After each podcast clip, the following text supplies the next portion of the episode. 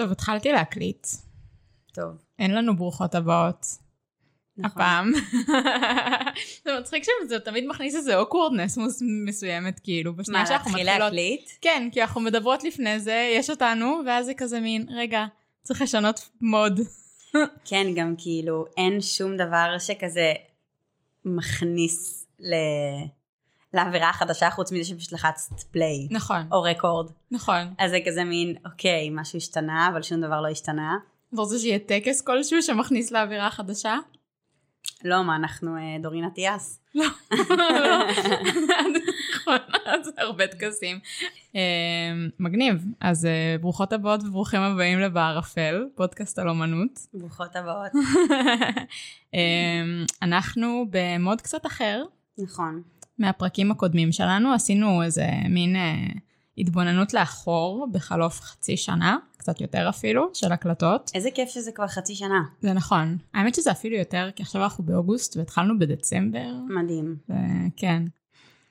וכאילו הגענו למסקנה שהפורמט הזה של לקחת כל פעם נושא ולפרק אותו, עובד לנו כשהנושא הוא ממש מה שמעסיק אותנו בזמן אמת. בעצם ככה התחלנו. מהמם. גם סביב העבודה על הפרק של אה, גודל וכסף וטכנולוגיה, זה היה בעצם נושאים שבאופן טבעי היה משהו שהיו אה, נושאים שמאוד מאוד העסיקו את שתינו.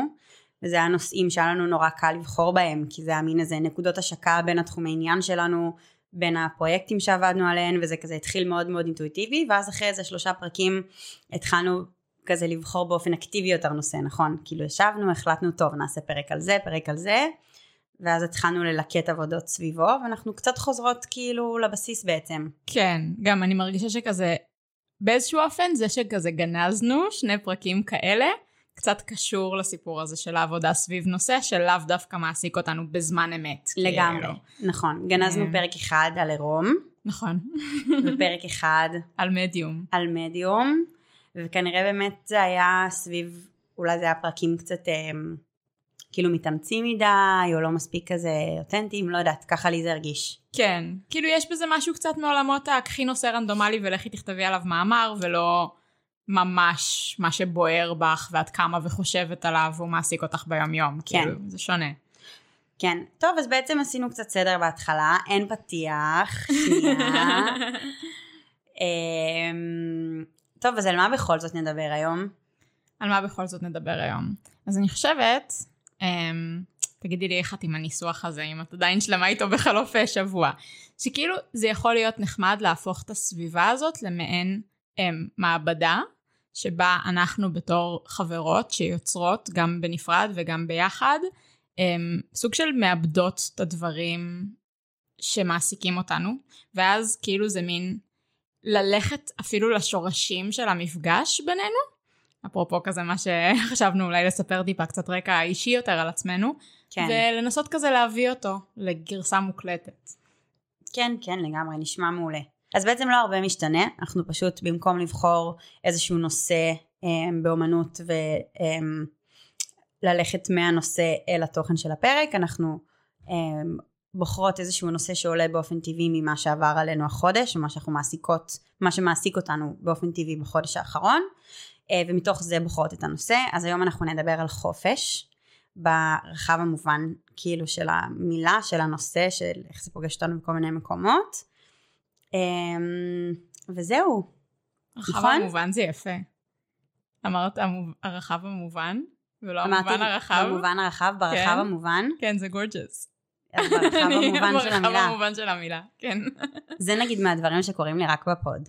אני יודעת, אבל אז בגלל זה אמרתי, אני הולכת להגיד את זה, אנחנו נ, ניתן לזה רגע, ואז לא נערוך את זה החוצה, אני אזרום עם זה הלאה. לא, לא נערוך, אם זה יפה, זה יפה, זה נשים. יפה בעיניי. אז חופש, שזה גם uh, מתקשר לחופש הגדול. ש- לחופש הגדול, לחופש שהולך ונלקח מאיתנו. נלקח מאיתנו. אמ, כן, לחופש כלכלי של יצירה, שאני כזה, האמת, באוב- באובסס על נושא כזה ספציפי נורא של אומנות ופוסט קפיטליזם לקראת הרצאה שאני הולכת לתת אמ, מהמם. מחר, אבל לא, זה לא יהיה מחר כשהפרק יצא. אמ, אז זה כזה מין זווית. אמ, אצלי זה מאוד מתחבר לחופש ואימהות, או, ו... למה שאמרת מקודם בהקשר הקפיטליסטי אז אה, אומנות וכסף זה וההקשר של החופש ביניהם זה גם משהו שהוא תמיד מאוד בסיסי במחשבה שלי. כן. סביב להיות, אה, ובכלל משהו שמאוד מחבר בינינו. בעצם זה היה אמור להיות בערפל פודקאסט על אמנות וכסף. חד משמעית.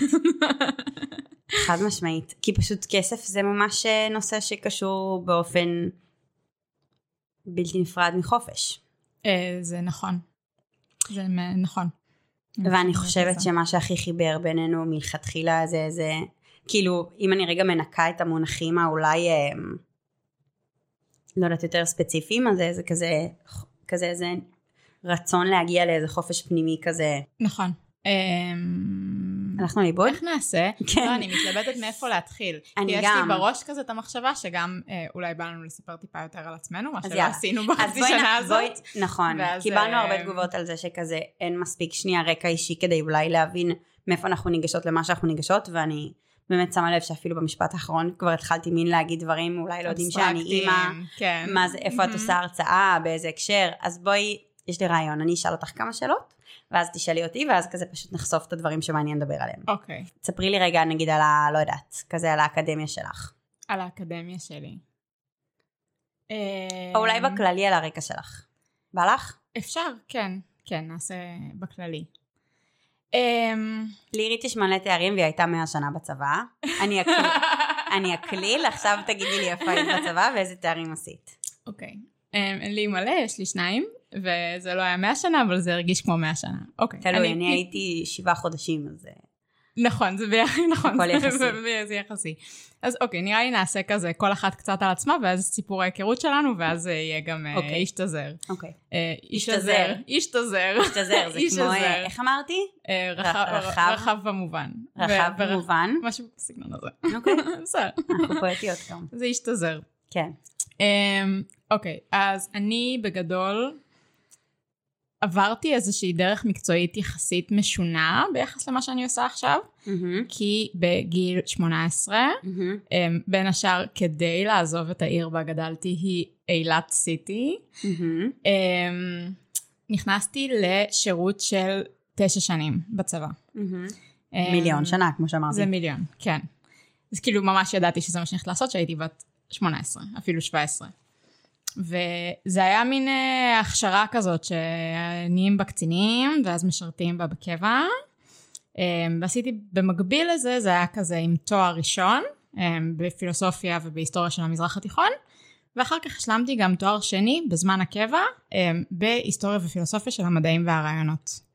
אמ, והייתי בסביבות אה, טכנולוגיות למדי בשירות הצבאי שלי, מודיעיניות טכנולוגיות.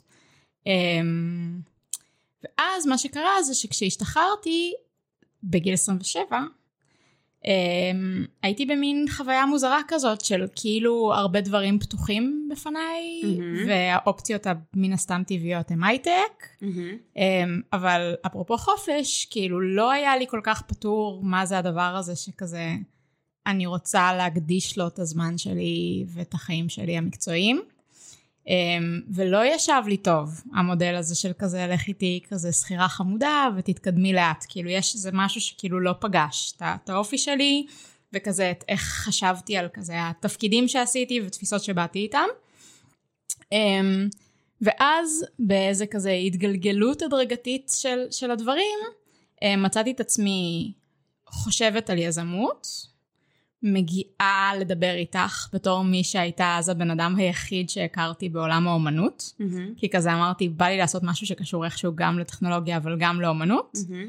ומין סוג של עושה לך כזה, "אה, היי, אנחנו מכירות ממש קצת כי למדנו צרפתית ביחד, את יכולה להסביר לי how the business of art works? עבדת בגלריה, לא אכפת לי איזה נכון. גלריה, מה את יודעת? כאילו. אה, זה היה מאוד חמוד בגיל, אה. כן, גיל 27 היא כזה.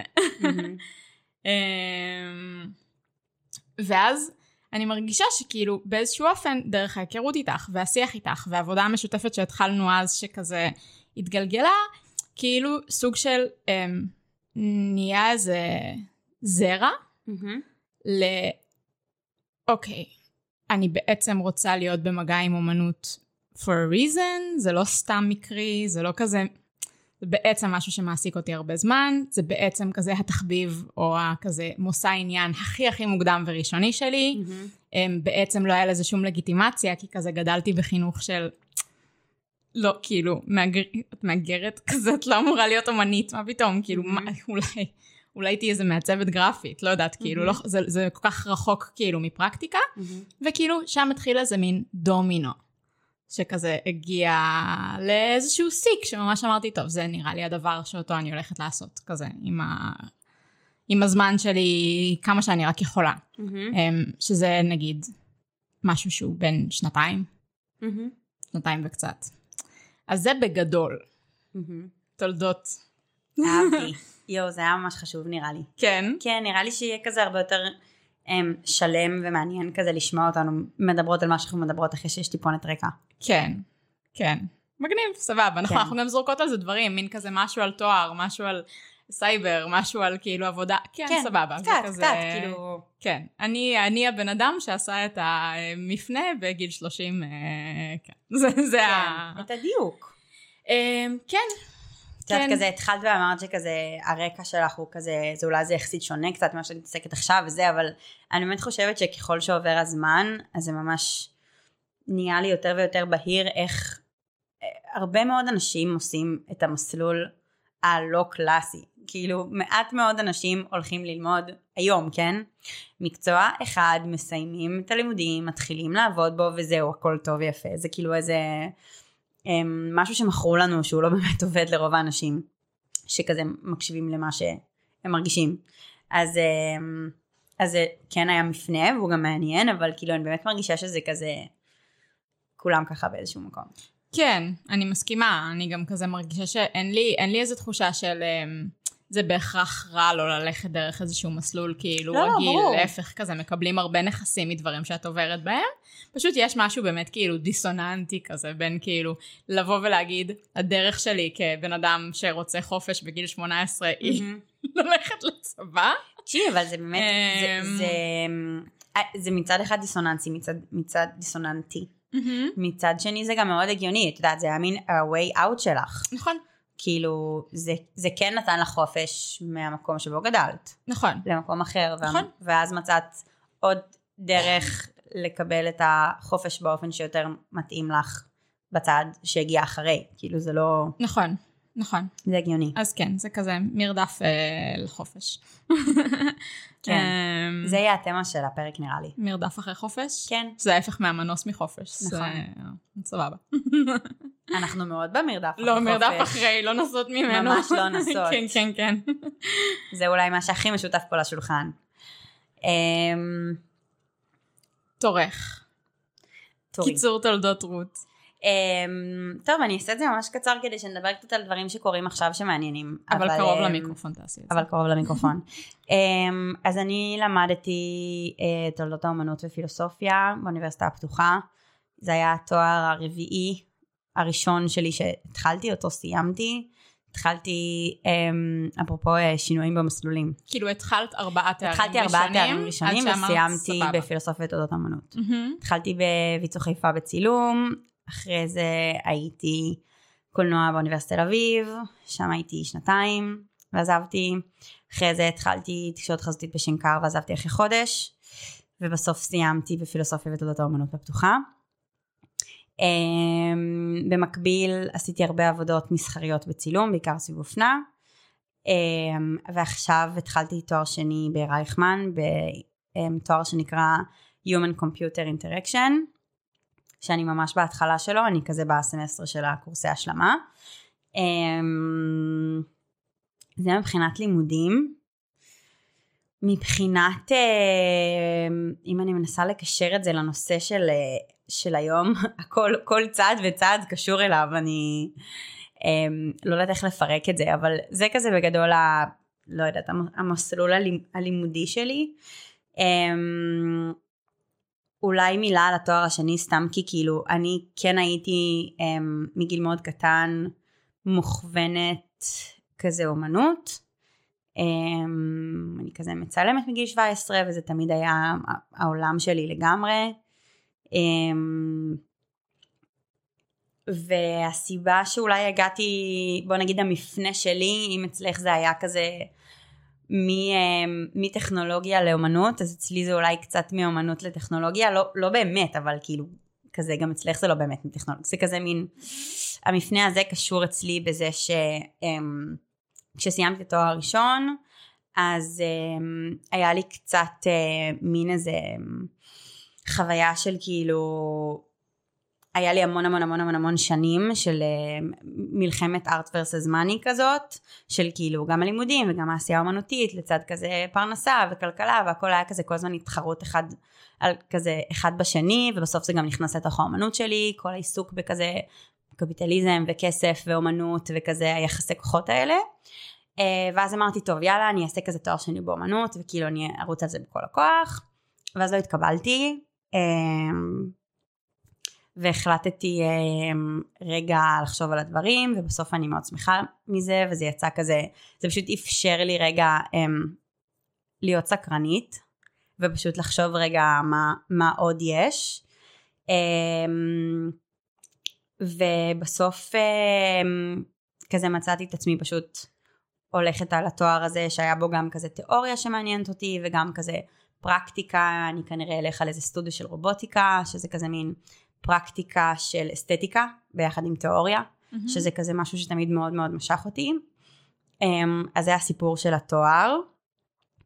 Um, יש איזה עניין עם כאילו, ברגע שאת מסמנת לעצמך את הכיוון של חיי יצירה, בטח אם זה קורה בגיל צעיר, אז מהר מאוד נהיית כזה רלוונטית השאלה של איך עושים את זה ויאבילי. כאילו איך הופכים את זה לחיים. Mm-hmm. ואז כאילו במובן מסוים הדברים שתיארת כאילו גם החוויה שלה לבדוק תארים שונים וכזה לדייק לדייק לזוז לשנות כיוון mm-hmm. וגם כאילו ההחלטה עכשיו mm-hmm. של הלימודים וגם כל הסיפור הזה של כזה העבודה המסחרית לעומת העבודה האומנותית הם כולם קשורים למין איך בונים חיי יצירה ויאביליים איך מייצרים נוסחה שאת מרגישה שמאפשרת לך. כן, כן. אני חושבת שאצלי, אני, אני בטוחה שכל יוצר, לא משנה מאיזה סוג, נפגש בקונפליקט הזה, אה, מתישהו בחיים שלו. אני חושבת שאצלי פשוט, אולי גם בגלל שהתחלתי הם, לעבוד בגיל מאוד צעיר, כזה מראש, אה, זה תמיד היה במקביל. העניין של העבודה והפרנסה לעומת כזה האומנות או היצירה אז אני חושבת שאני פשוט הבנתי באיזשהו שלב שזה לא עובד לי לעשות ההפרדה הזאת של כאילו אפרופו חופש כאילו שנכון יש הרי כל מיני אופציות דיברנו על זה גם בפרקים קודמים כל מיני אבל של כזה מין כאילו איפה, איפה הנקודת מפגש הזאת בין כזה יצירה חופש ועבודה? ויש אנשים שזה עובד להם נגיד לעבוד במשהו ואז כזה שבשאר הזמן יהיה להם חופש ליצור, mm-hmm. לא משנה איזה, איזה סוג של יצירה, ואצלי פשוט הרגשתי שאני חייבת לחבר, כאילו אני חייבת um, לחבר את הדבר הזה, ואני חושבת שמה שהכי עבד לי, זה שפשוט מין, אחרי שלא התקבלתי לתואר השני, אז כזה מין אמרתי לעצמי, אוקיי, מה כאילו בעצם, איך אני מזקקת את, ה, את הדברים ש... זה גם מעניין, אני אשאל אותך את זה גם אחר כך. זה, כי זה גם מאוד מאוד תמצית של חופש. כאילו איך אני מזקקת את מה שהכי מעניין אותי. וזה היה פשוט מחקר ואסתטיקה. כאילו התשובה שהצלחתי לתת לעצמי באופן שהייתי שלמה איתו במאה אחוז. אה, וזה מאוד עשה לי סדר בכל מה שכזה הרגיש לי לא נכון ולא מתאים לעומת מה שכן. אז נגיד עבודות מסחריות שכזה לא האמנתי בהן, היו לי מאוד מאוד מאוד קשות, ולקח לי זמן לקחת החלטה שאני לא עושה אותן יותר, כי את יודעת, יש איזה מין משהו חיצוני כזה, שגם כשאומרים לך מבחוץ, כזה איזה מגניב שאת כאילו יכולה, לא יודעת, לעבוד בצילום אופנה, או לעבוד, ב... לעבוד בצילום, לא משנה של מה. כי זה כזה הקראפט שלך, אז כאילו איזה כיף שאת כן. מתפרנסת מזה. ולי זה תמיד היה דיסוננס מאוד מאוד מאוד קשה, שהיה לי גם קשה כאילו להסביר כלפי חוץ. Mm-hmm. כי כאילו אם יש לי את הקראפט שלי ואני גם מתפרנסת ממנו אז כזה מה את עוד רוצה? Mm-hmm. אבל uh, עם השנים הצלחתי לזקק את זה לעצמי שזה כאילו מין מה שהכי חשוב לי זה כן זה האסתטיקה אבל um, במקביל לזה גם כאילו המחקר והחשיבה החופשית כזה במגע עם האסתטיקה ולא um, לייצר אסתטיקה לשם נגיד אסתטיקה שיש בצילום לצורך העניין מכל מיני כן. סוגים. אז uh, ככה כאילו באמת התגלגלתי ל, ללבחור כאילו איזשהו תואר שהוא לאו דווקא באומנות, אבל אני כן מרגישה שיש שם כזה אתיקה במרכז, שזה משהו שמעניין אותי, וכזה פשוט מחקר לשם מחקר, וגם אסתטיקה. Um, אז זה איזשהו חלק בתהליך שלי um, סביב הדבר הזה. כן, זה מעניין שכאילו אני מרגישה שלקח לי הרבה זמן um, עד שכזה גם הבנתי אבל גם אולי את ניסחת בקול את זה שכאילו את לא במין הזדהות של overlap מלא עם uh, צילום כמדיום או כקראפט. כאילו זה לגמרי. מין, זה כלי עבור. לגמרי. ואז המחשבה של, אה, את פשוט חייבת לה- להחזיק מצלמה ביד, אז מה זה משנה אם את עושה את זה בשביל פרויקט שלך או בשביל פרויקט של לקוח, זה כזה, לא. לא, כאילו, זה לא זה הדבר שאני חייבת לעשות אותו. כאילו, נכון. זה אוטומטית הופך להיות כאילו מכלי עבור המטרה החשובה, למין רק כלי כאילו מרוקן באיזושהי מידה. מ- כן. שוב, אני מניחה שכזה גם, יש לקוחות ויש לקוחות, אבל כאילו, אני יכולה להבין איך כזה... וזה קצת קשור, כאילו, אני מרגישה, גם דיברנו על זה סביב כזה הפרק והחוויה, על, על Ask Me Anything, של כאילו, יש איזה משהו ב...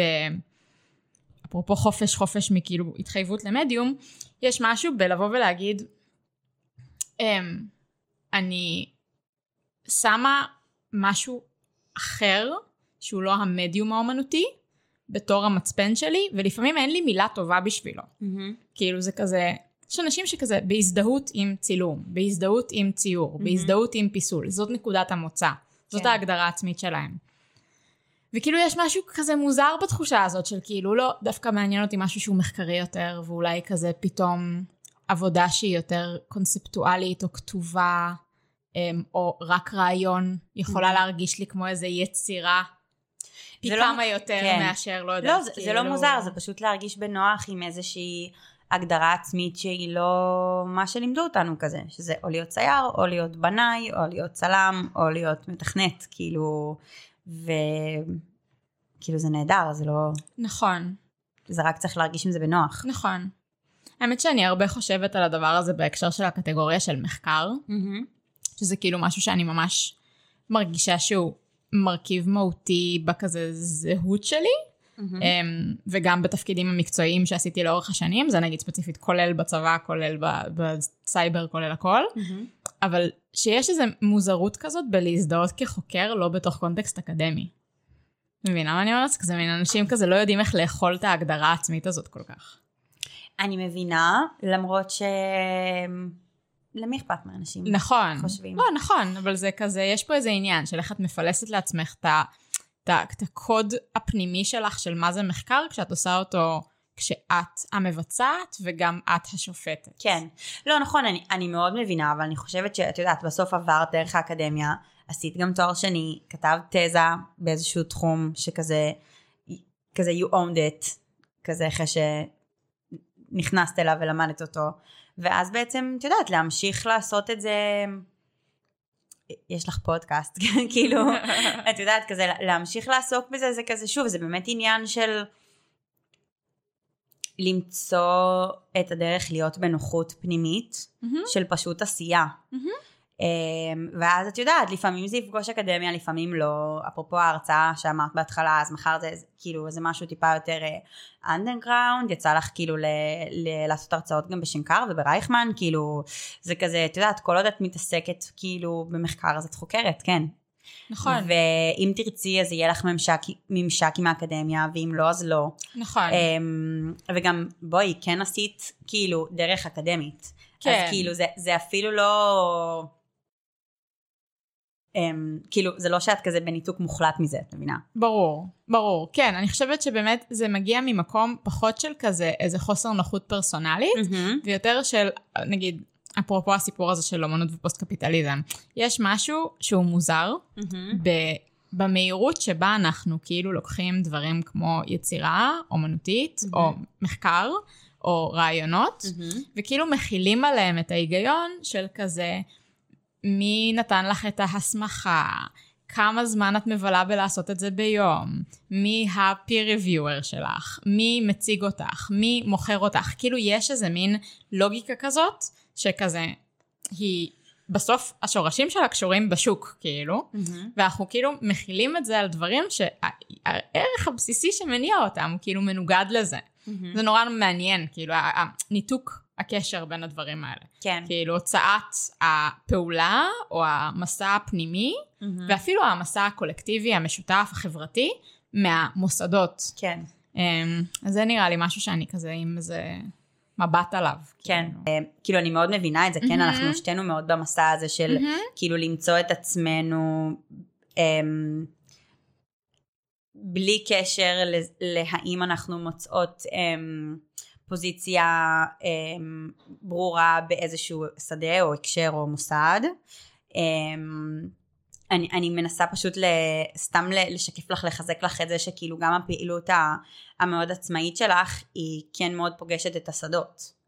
כן. בקטע כאילו מרים. לא, זה נכון. אז א', תודה על ההרמה. אני, אני מבינה את זה, אני מתחברת לזה. אני כאילו, מה שאני מנסה ל, ל, לסמן, זה את המחשבה הזאת שכאילו, ההי- ההימצאות מחוץ להם, מחוצה להם, היא, היא יכולה הרבה פעמים להיות בחירה הרבה יותר חופשית. לבריאות. לבריאות. תודה. את כזה בחולצה מאוד ברוקית, והאפצ'י עכשיו עם האור חלון, היה פה רגע היה פה מאוד רגע? דרמטי, כן. היה פריים ברוקי. חבל שלא צילמנו. הזה. חבל שלא צילמנו. סליחה, ישנתי עם מזגן ממש קר מדי. כן, תמשיכי, סליחה. בקיצור, זה היה פשוט הנקודה הזאת שכאילו אני חושבת, אני לא יודעת אם to drill into it עוד יותר, אבל כזה, אני אתן את זה ממש בקטן. במסגרת ההכנה של, של ההרצאה הזאת על, על אה, אומנות ופוסט קפיטליזם וכזה מן האם אומנות היא עבודה, אמ, מצאתי את עצמי קוראת מאמר בשם מרסל דושן and the refusal of work של סוציולוג ופילוסוף איטלקי בשם מאוריציו לזרטו. ובגדול בגדול הטענה, זה פשוט טקסט מדהים, שאת על חייבת לקרוא. העצלנות ששלחת כן, לי. התחלתי כן. לקרוא אותו. זה, זה מדהים. אז כאילו בגדול הטענה זה שאצל דושן, מה שהוא הראה לעולם, זה את העצלנות כעמדה פוליטית. כאילו, דושן בתור כזה אמ- אמן עצלן, באיזה מובן? כאילו זה מצחיק להגיד את זה, זה אבל... נורא מצחיק. זו מילה מצחיקה. כי כאילו היא, היא נשמעת, היא כל כך לא, היא כאילו מפחיתה, אבל תשמעי, הוא דיבר על עצמו ככה. כן, אבל זה, אני, אני חייבת להגיד שאני נחשפתי לזה בעקבות מה ששלחת כן. לי, ואהבתי את זה מאוד. מהמם. חובבת אה, את קונספט העצלנות. אה, ואז נכנסתי וקראתי על זה קצת, וזה פשוט, טוב, תסיימי ואז אני אגיב על זה, כי לא, זה... תגידי פשוט מה, ש, מה שבאת להגיד. פשוט זה, את יודעת, זה... כל הרעיון באמת אצלו של העצלנות, שהוא כאילו מין יחסית עבד מעט, נכון? עבד, עשה חופשה, עבד, עשה חופשה, עבד, עשה חופשה. אוקיי. נכון? זה לא- כאילו לא בהקשר רק, של... אבל, לא רק, סבבה, אז עוד אוקיי, רגע, עוד כן. רגע אה, ת, תדברי על זה, פשוט אני אומרת שבהקשר הזה, מה שכאילו לי ישר חרה, מהמם. זה כאילו מין... אתה לא יכול להגיד על עצמך כשאתה עצלן, כשאתה לא צריך לעבוד. נכון. זה כאילו... את מבינה? למה זה כן. כאילו חרה לי? כן, כן. אז שנייה, אז אוקיי. אז אנחנו נעשה, זה פשוט, זה, זה, אוקיי.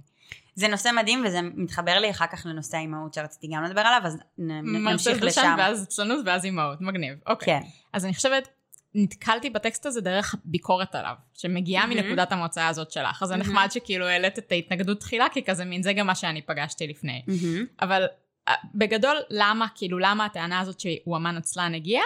אז יש שם כמה נימוקים שהם כאילו כולם כזה משלימים. קודם כל אני אגיד שזה משהו שהוא אמר על עצמו, כאילו יש איזה ציטוט שלו של כזה, אני חוגג את העצלנות באמנות כמו שג'ון קייג' אה, הכניס את השתיקה למוזיקה. כאילו זה כזה כבר, זה כאילו הצהרה של אדם על עצמו. אז באמת פעם אחת זה הסיפור הזה של זה שהוא כזה לא ידע לעבוד יותר משעתיים ביום, ואהב כאילו מין חופשות ארוכות, והכי נודע זה התקופה של כזה כמה עשרות שנים שהוא אמר, "אה, ביוש, אני לא עושה יותר אומנות, אני משחק שחמט עכשיו. כן. אמ, הטענה המקבילה הנוספת היא כזה מין ש-ready made באיזשהו אופן זה מדיום עצלני, כי הוא כאילו מין מפרק את הקשר בין האמן לקראפט שלו, נכון? מהמם. אתה בא, אתה לוקח משהו מהמפעל, שם אותו כן. בתצוגה, אמ, ממש ו- אהבתי את ה... זה נורא מצחיק להגיד על רדי מייד שהוא אה, מדיום עצלני. נכון, אהבתי כי זה, רצח. כן, ואז מה שקורה שם עוד יותר זה שכאילו יש כל מיני אקטים כאלה של חתירה תחת מבנים קפיטליסטיים שהוא עושה בהרבה מקומות, אז זה כזה מין להחזיק מלא שמות ווריאציות של שמות, חתימות שונות, נכון? ארמט, אבל גם וריאציות על כן. השם שלו. האלטר אגו הנשי שלו, מכירה את זה רוז כן. סלווי. הכאילו, כמה שיותר שבירות שינוי הז'אנרים. אני עושה עבודה קוביסטית אחת. אוקיי, זה מתחבר לך אבל כאילו... שזה כאילו, זה פעם אחת הסיפור של העצלנות, ופעם שנייה בתור עצלנות, בתור איזושהי עמדה פוליטית חתרנית מול השוק. כי כאילו זה לבוא ולהגיד, האג'נדה היא לא רק לרבוץ על הספה. האג'נדה היא לעשות פעולות שהן מגרות את המחשבה של היוצר ושל הצופה, אבל הן לא מצליחות, הם, השוק לא יודע לאכול אותן, ולא יכול לאכול אותן באותה הקלות של אמן שמתחייב לז'אנר וסגנון מסוים, מייצר, חותם את השם שלו, מין כזה פיקאסו, נכון? כזה 50 אלף יצירות, הכל חתום פיקאסו ענק, כאילו. אז אני חושבת שכזה יש משהו ב, ב, ברעיון הזה שיש איזה מין מרחב, כאילו לעשות, אבל לאט. להשתתף, אבל רגל אחת בחוץ, שהוא נורא מעניין כהצעה. הוא נורא מעניין, אני מסכימה, אני גם מאוד מתחברת לזה, אני יודעת שגם. את, כאילו בהקשר של האופן שבו אנחנו מתנהלות, אבל אני חושבת שפשוט הם, להגיד על זה עצלנות, זה ממש... הם, מר- ממש פוגם בזה. אני, זה, אני חושבת שזה אני קצת אומרת לך, כמו... הוא בוחר בזה, הוא מתאר את זה ככה. לא, בסדר, זה- אני, זה- אני, אני יודעת, אני כן. אומרת ש, שיש בזה משהו כמו... הם, אני, אני אנסה להסביר לך מה אני מתכוונת. מהמם. כי עזבי רגע את הביקורת של כזה אמ, הפריבילגיה להיות עצלן רגע במובן השעתי, אוקיי? כאילו אם אני צריך או לא צריך, יכול או לא יכול. משחררת את זה רגע סתם כי זה לא כזה מעניין. בהקשר כאילו זה קצת, אמ, אני כאילו לא מאמינה לו שהוא היה עצלן, זה קצת מרגיש לי כמו, אמ, כמו שכאילו, לא יודעת, אמ, לשים על עצמך כזה resting bitch face, זה כאילו אטיטיוד שהוא קצת מגננה. ואז זה כאילו מין שחררו אותי, אני כאילו laid back כזה מהמם. עושה מה בזין שלי, זה יותר כזה מין מגננה שמייצרת סקרנות, מאשר כזה אשכרה דבר של עצמו. את מבינה כאילו מרגיש לי שהרי הוא לא היה עצלן, סבבה? לא יודעת. אם את כזה לא לוקחת יודעת. את ה... תשמעי, מה זה היה עצלן? יושב, מעשן סיגרים. אין מבלה בעיה, עם בשביל להיות אומן הסצנה. ואדם חושב אתה צריך כאילו להיות הרבה במין מצב חשיבה ומנוחה, מהמם, בשביל כזה להיות יוצר טוב. מהמם, אני מאמינה בזה בכל ליבי. מהמם. אבל um, כמות ה- ה- ה- הדברים המעוררי המחשבה שהבן אדם הזה השאיר אחריו, הם היא מאוד קטנה. גדול... היא קטנה, אבל... זה הרבה מחשבה על מעט אבל- מאוד פריטים. זה אבל זה בדיוק לא העניין. משנה, זה לא משנה, כי מבחינת, אמ, מבחינת, את יודעת, הוא, הוא השאיר אחריו המון דברים מאוד חשובים. זה מה שאני מתכוונת. כאילו זה לא כזה משנה בעיניי, אם זה כזה מין, לא יודעת, אה, סופר שכתב שני ספרי masterpiece, או כזה סופר שהוציא 50 כזה נובלות. ברור. אבל זה בדיוק מה שאת אומרת עכשיו, זה כאילו מהמם. בשבח המצב הזה. אני חושבת שזה... לא, לא, אני, אני מראש, אני מראש כאילו- בשבח המצב. כן, לא, אבל זה בדיוק, זה כזה מין, המילה עצלנות, מהמם. הסיבה, זה, זה שהיא קשורה לנו ב impact וביכולת להשאיר חותם, מהמם. זה כאילו טריק של השוק. כי תחשבי כמה עובדים יש שלא השאירו אחריהם כלום, זה בדיוק מה אבל שאני עבדו אומרת. ממש קשה. זה בדיוק מה שאני אומרת, שהמילה, כאילו, המילה, בסוף, אוקיי, אני, אני לגמרי מבינה מה את אומרת. אני פשוט אומרת שיש, אמ, המשקל, הקונוטציה של המילה הזו, היא, בהקשר של דושאמפ, היא לא, אמ, היא לא מבטאת את המטען הרגיל שלה. כן, כן.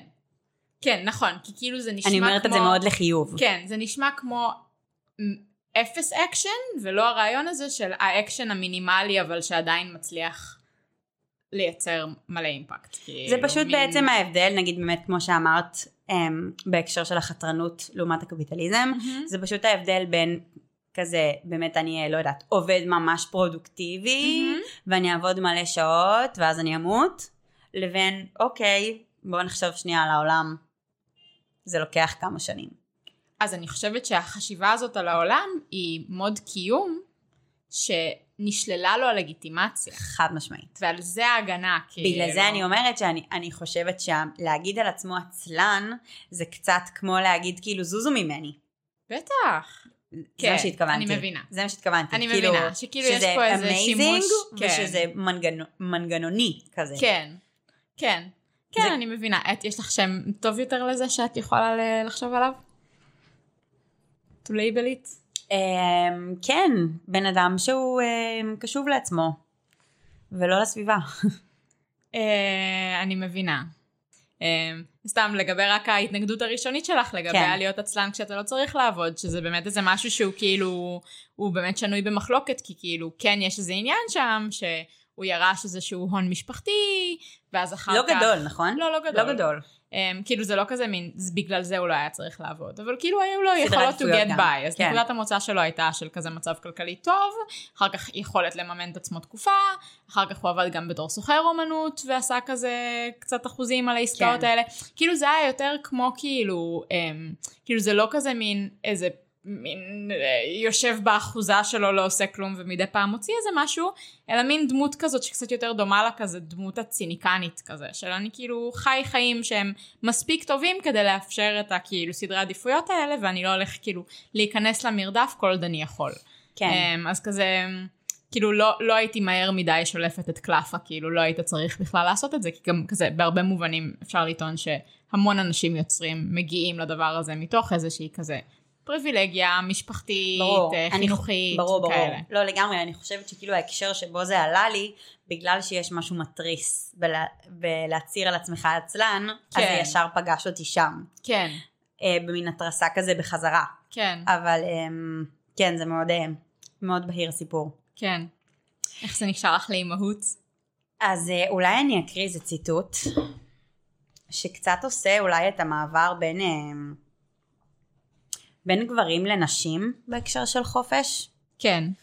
אמ, אז אמ, אני אקריא איזה ציטוט מתוך אה, ספר שקניתי אה, לפני כמה חודשים בלונדון, שנקרא The Baby on the Firescape, מאת ג'ולי פיליפס, אמ, שזה ספר מדהים שאני ממש ממליצה לכל מי שהיא אה, יוצרת ואימא לפני, אחרי או תוך כדי. זה בעצם ספר שפשוט מספר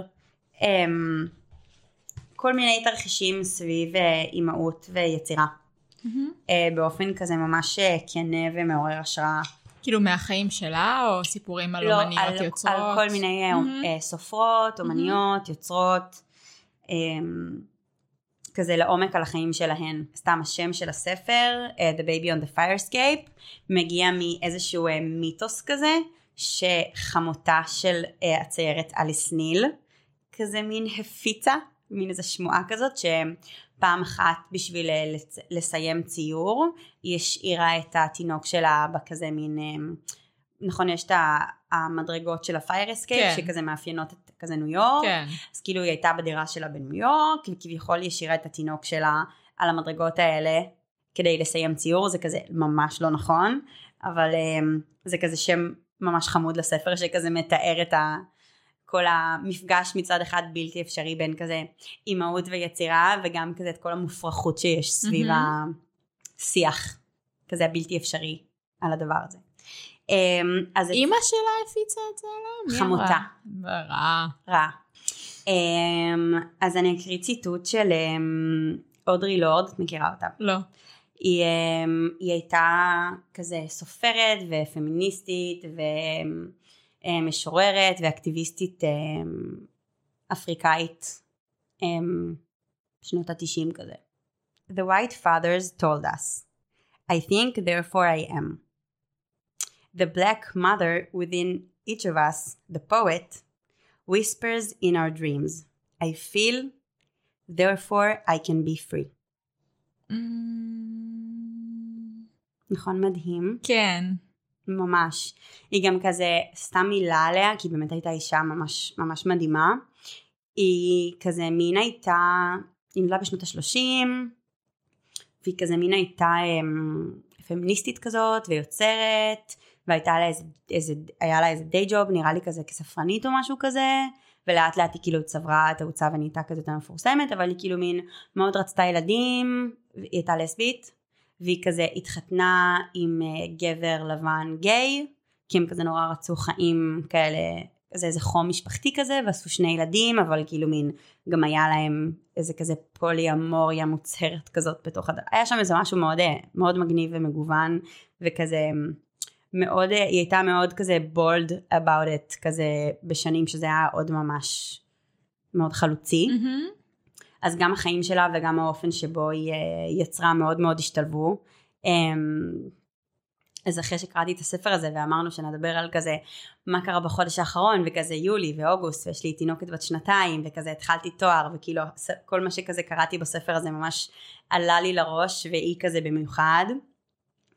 אמ, אז כן אז אמרתי שכזה נעשה את המעבר עם הציטוט איזה ציטוט מדהים מאוד יפה. נכון? כן.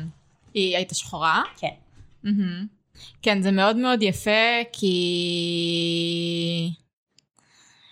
אוי, מאיפה אפילו להתחיל כמה זה יפה. כאילו, דקארט, ה-white father, עשה נזק. הם עשו נזק, לא רק הוא. כאילו העמדה הזאת שמעמידה רק את חופש המחשבה בתור חופש, שוללת את היכולת להיות חופשייה בגבולות ה constraints והבעיות והאתגרים של הגוף הפיזי. ואז כאילו בעצם יש... מתעלם ממנו לחלוטין. כן, זה כזה מין גברים אותו. לבנים שפשוט נשאו את המוח שלהם ממקום למקום בחופשיות. כן, כן, כן. כאילו הרעיון הזה של כזה המוח בקופסה, הרעיון הזה של כזה עולם האידאות כיעד, כאילו כל המקומות האלה שכאילו מנסים לבוא ולהגיד כזה זה לשם הרוח שואפת, זה המרחב של החופש. וזה גם מן הסתם קשור מאוד בכאילו בדתות, ביהדות, בנצרות, אבל כאילו הגוף הוא כל כך um, נשלל בתור what liberates you, ויש משהו בזה שכזה אישה, עוד לפני שהיא אימה, אבל בטח אחרי, פשוט לא יכולה להרשות לעצמה להחזיק את העמדה הזאת. לא. כאילו, מה הקשר?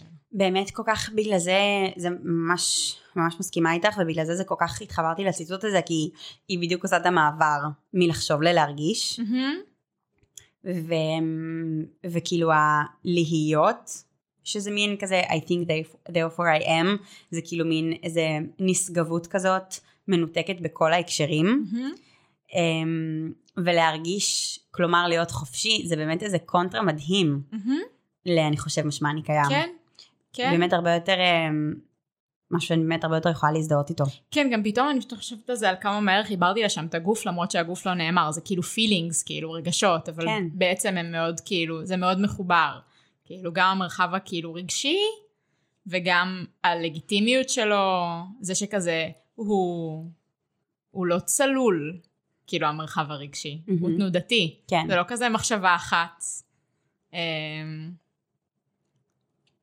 יש אה, איזה עניין ששמעתי עליו בזמן האחרון, שכאילו בבודהיזם מתייחסים גם למחשבה בתור אחד מהחושים. מדהים. ואז את כאילו, את חושבת על כזה איך אבהות. זה משחרר, נכון? כן. כאילו, כזה למה את מין יודעת שריח נעים או ריח לא נעים יעבור, אבל מחשבה נעימה או לא נעימה אמורה להיות כזה התכתיב האמיתי. הכאילו ש... נכון, כי אם אני חושב משמע אני קיים, אז זה לא אחד מהחושים. נכון, זה, זה, כאילו לנשום גבוה או לא לנשום. כן. הכי גבוה בפירמידה או חיצוני לפר... כאילו כן, כן, כן, כן. היסוד המושל. מהמם. וזה כזה, נה, זה כזה עוד יסוד, זה עוד חוש, כאילו, זה עוד גייט, כאילו, לתוך התודעה. אמ, היה עוד, אמ, עוד איזה סיפור אה, מהספר הזה, של איזה סופרת אמריקאית, לא זוכרת את שמה, שדיברה על, ה, אמ, על החופש, אמ, על החופש שהמגבלות הפיזיות מהמם. והרגשיות שבאימהות הם מייצרות. וגם לזה מאוד מאוד התחברתי, כאילו היא דיברה על זה שהם ה- האינטנסיביות, אמ, שוב גם הפיזית וגם הכזה מסביב לשעון, לשעון האימהית, אמ, הפכה אותה לבן אדם אמ, הכי פרודוקטיבי שהיא הייתה בחיים. אמ, יש כאילו באמת הקלישאות האלה שהם כזה, יש לך זמן עד ארבע, אז כאילו את תעשי, שכזה אימהות בשכירות, את תעשי את כל. העבודה, כן. ואז כאילו את אה, לא משנה מה, תהיי הכי פרודוקטיבית יותר מכל מי שנשאר עד הערב, אה, לא יודעת, אה, מנשנש ושותה 20 כוסות קפה. אז יש את זה מצד אחד, שתמיד יש לי גם קצת אלרגיה מלשמוע את זה. Um, ומצד שני, אני לא אתייחס רגע לעניין של הזמן שאת צריכה לאסוף מהגן. אני מאוד מאוד מרגישה על עצמי שיש איזה דיסוננס עכשיו, שוב בהקשר של רצינו לדבר על חופש, אז דיברנו גם באמת בהקשר פוליטי שכאילו אין מה להגיד, ברור מאליו. אמ, שכאילו היה לי, יש לי איזו חוויה מוזרה כזאת שמין, אני כזה בלחץ סביב הלימודים ויש לי תינוקת בת שנתיים שהיא כזה מלא חולה מהגן ויש לי מלא בלת"מים וכאילו אני חיה במקום שהופך להיות דיקטטורה וכאילו מה לי ולחופש כרגע? אמ, ואני בהרבה מובנים, מרגיש, מובנים מרגישה הכי חופשייה שהייתי בחיים. אמ, וזה באמת נפלה לי ההבנה שזה פשוט מאוד מאוד מאוד מצד אחד אתה כאילו מרגיש אולי הכי חופשי ברגע שאתה מצליח לעשות מצד אחד איזושהי הפרדה מהסביבה שלך הפרדה אמיתית כזאת, כנה, וזה לא שאני מתעלמת מהחדשות או מהזה, אני כל הזמן בהפגנות ונענה, אבל זה משהו פנימי כזה, מצד אחד איזה הפרדה מהסביבה, ומצד שני אני גם מרגישה הרבה יותר מחוברת לסביבה. כאילו יש משהו בלהיות אימא, שזה כזה מין, אני כזה, יש לי עוד איבר שהוא כזה מסתובב בעולם, והוא גם בשלב כזה מאוד נפיץ, כאילו שנתיים. שיש משהו בשילוב כזה בין השניים, שאני מרגישה שבאמת הזמן, אני מאוד מחוברת לזמן שלי, שזה משהו שאני מרגישה שפשוט קורה אולי לכל האימהות באופן, באופן טבעי, או לחלקן. אמ, אז כן, זה מה שרציתי להגיד בעצם. אולי זה לא היה ברור. אני שמחה שאת מרגישה ככה. לא, זה דבר נראה לי ממש מדהים, כי כאילו, א', מן הסתם לוקח זמן ולקח זמן להגיע לשם. כן, שנתיים. כן. ודבר זה שני... לא היה, זה ממש, אם זה לא היה ברור, אז כן, זה ממש לא היה ככה מלכתחילה. כן, זה כאילו new found freedom. ברמות, לא, כן. אמרתי כזה ממש, ממש עכשיו, ממש לאחרונה. יפה. נכון? כן. אני גם מרגישה. כן, זה גם, זה גם כאילו מרגש כי כזה, אה, זה ניכר. מאמי. כן. איזה כיף. אני מרגישה שגבהתי קצת, נכון? אולי זה קשור לעובדה שאת על פלטפורמות עצומות. את רואה, אני... כן. זה פשוט, אה, אני משקפת את מה שאני מרגישה כן. בעזרת הפלטפורמות שלי. הפלטפורמות, הכלי הטכנולוגי. אה, מגניב. כמה את מרגישה חופשייה עכשיו? אה, מאוד. תספרי לי על זה קצת. מאוד. אני לא בטוחה מה יש לספר, כי אני לא לגמרי יודעת, כאילו... כאילו, אני פשוט בעיקר מרגישה ש... ה... אה, המעבר, זה קצת חוזר לדברים שדיברתי עליהם בהתחלה, המעבר לזה שיצירה היא מרחב פעולה לגיטימי, mm-hmm. היה נראה לי הכזה פיבוט פוינט שלי בתחושת חופש. Mm-hmm. מאוד משמעותי. אה, מאוד משמעותי, כן. כי אני חושבת שזה כזה מין משהו שהייתי באיזה מין משא ומתן מאוד מאוד הדרגתי איתו, mm-hmm. וכאילו איזה המון, הוא לווה פשוט בהמון איזה תחושות כאלה של חוסר לגיטימיות, mm-hmm. של uh, רגשות אשם, mm-hmm. של, את יודעת, דברים אפילו מצחיקים, כמו כזה איור זה של ילדים, mm-hmm. להתעסק ב... לא יודעת, אני עושה עכשיו קצת כזה התנסות בדפוס, כן. ואני כזה מין בוחרת דימוי. Mm-hmm. ואני כזה, הלגיטימיות של הדימוי פשוט להיות יפה ולשקף איזה משהו ויזואלי שבא לי לראות, mm-hmm. זה משהו שהוא כאילו חדש לי. Mm-hmm. משהו מהשנים האחרונות. כן. כי לפני זה היה לי מין איזה חוויה של כזה, הוא חייב להגיד דברים מפורשים, ולהיות כזה סוג של מספיק גב, חש גבוה אינטלקטואלית, mm-hmm. כדי להצדיק את זה שאני עושה משהו כן. כל כך אינפנטילי, כמו למרוח צבע על דף. כן. כאילו, אני חושבת שכזה ברגע שהדברים האלה הם, הם הפסיקו ל, ל, ל, להגביל אותי מנטלית, כזה mm-hmm. שניתקתי מהם, אז כזה זה מקור החופש הכי גדול שאני יודעת כזה לסמן. Mm-hmm. אז אמ, כן, זה נראה לי... זה משהו שהוא יחסית סטטי, כאילו, אני כזה מרגישה שכזה, אני לא באיזה חוויה של... Uh, משחקים לי יותר מדי עם, ה, עם הווליום של החופש, לפחות כרגע. כן, מן הסתם, אם המדינה כאילו תמשיך בכיוון שהיא ממשיכה בו, וגם אולי בחוויה המוקדמת של כזה הורות, כשאני אגיע לשלב הזה, mm-hmm. אז יכול להיות שאני אחשוב דברים אחרים. כן. אבל כאילו, כאילו אני כזה מרגישה פוסט ליבריישן מסוים, וכזה יחסית ב, בקונסיסטנטיות את הדבר מדהים. הזה. כן. אמ, איזה כיף להיות כזה, ששתינו במקום כזה... מרגיש לי שכזה מלא שנים לא היינו שם, כל אחת בהקשרים כן, שונים. כן. אז זה כזה כיף לראות איך שזה כזה... כן. קורה, קרה. זה עשור פשוט נראה לי טוב יותר. שלושים? כן. עשרים היה קשה. עשור מורכב. קשה. עשור מורכב. כאילו... אנחנו עוד מעט בנות 30 ו... אני כבר בת 30 ו... לא, כאילו התכוונתי שיש לנו יום הולדת עוד מעט. אה, נכון. אני בת נכון. 30 ועירית בת 32, נכון. ובספטמבר יש לנו יום הולדת. זה נכון. בואי נגיד משהו קטן לסיכום, אני אגיד משהו קטן לסיכום. תגידי. אני אגיד שחשוב לי רגע איכשהו פשוט לחבר את זה לפודקאסט וכזה למה שהיה עד עכשיו. אז אני חושבת שפשוט אמ, מראש מה שעניין אותנו זה גם אומנות כשדה וכממש עולם היצירה מבחינת אומנים ויצירות ותערוכות ו whatever, אבל גם באמת אמ, הדבר הראשוני שהביא אותנו לעשות את הפודקאסט הזה זה לעסוק באמת כזה בדרך שלנו בתור יוצרות. ובאופן שבו זה נפגש עם שדה האומנות, עם המחשבות התיאורטיות שלנו, עם החיים האישיים אחת של השנייה. אמ, ובאמת אולי הפרק הזה היה מין איזה חיבור למוטיבציה הראשונית, ורגע לעשות איזה אולי חיבור למקום האישי יותר, כי באמת בסוף אמ, אני חושבת שעברנו הרבה הרבה הרבה אמ, הרבה שינויים והרבה התפתחויות סביב אמ, החיים שלנו כיוצרות, כל אחת ב... במקום שהיא נמצאת בו. אמ, וזהו. אמ, כן, אני ממש מתחברת לזה. כאילו, אני מרגישה שגם קצת, כאילו זה קצת מקבל איזה איכות שאני אוהבת, כי גם אהבתי את הגרסה המקורית. נכון, פעם היה בלוגים? כן. היה לך בלוג? אז היו לי מלא, כל הזמן, בכל פלטפורמה. אפשרית שעה. זה תמיד היה כזה חצי מוסתר. אמ, וכאילו, אני מרגישה שיש משהו נחמד בדבר הזה, בכאילו מין מרחב, לאבד דברים, וגם לחלוק אותם עם מי שאולי יהיה מעוניין. גם כאילו נראה לי שכן יהיה נחמד בכזה פרקים עתידיים להביא דברים שהם באמת מחוברים ל...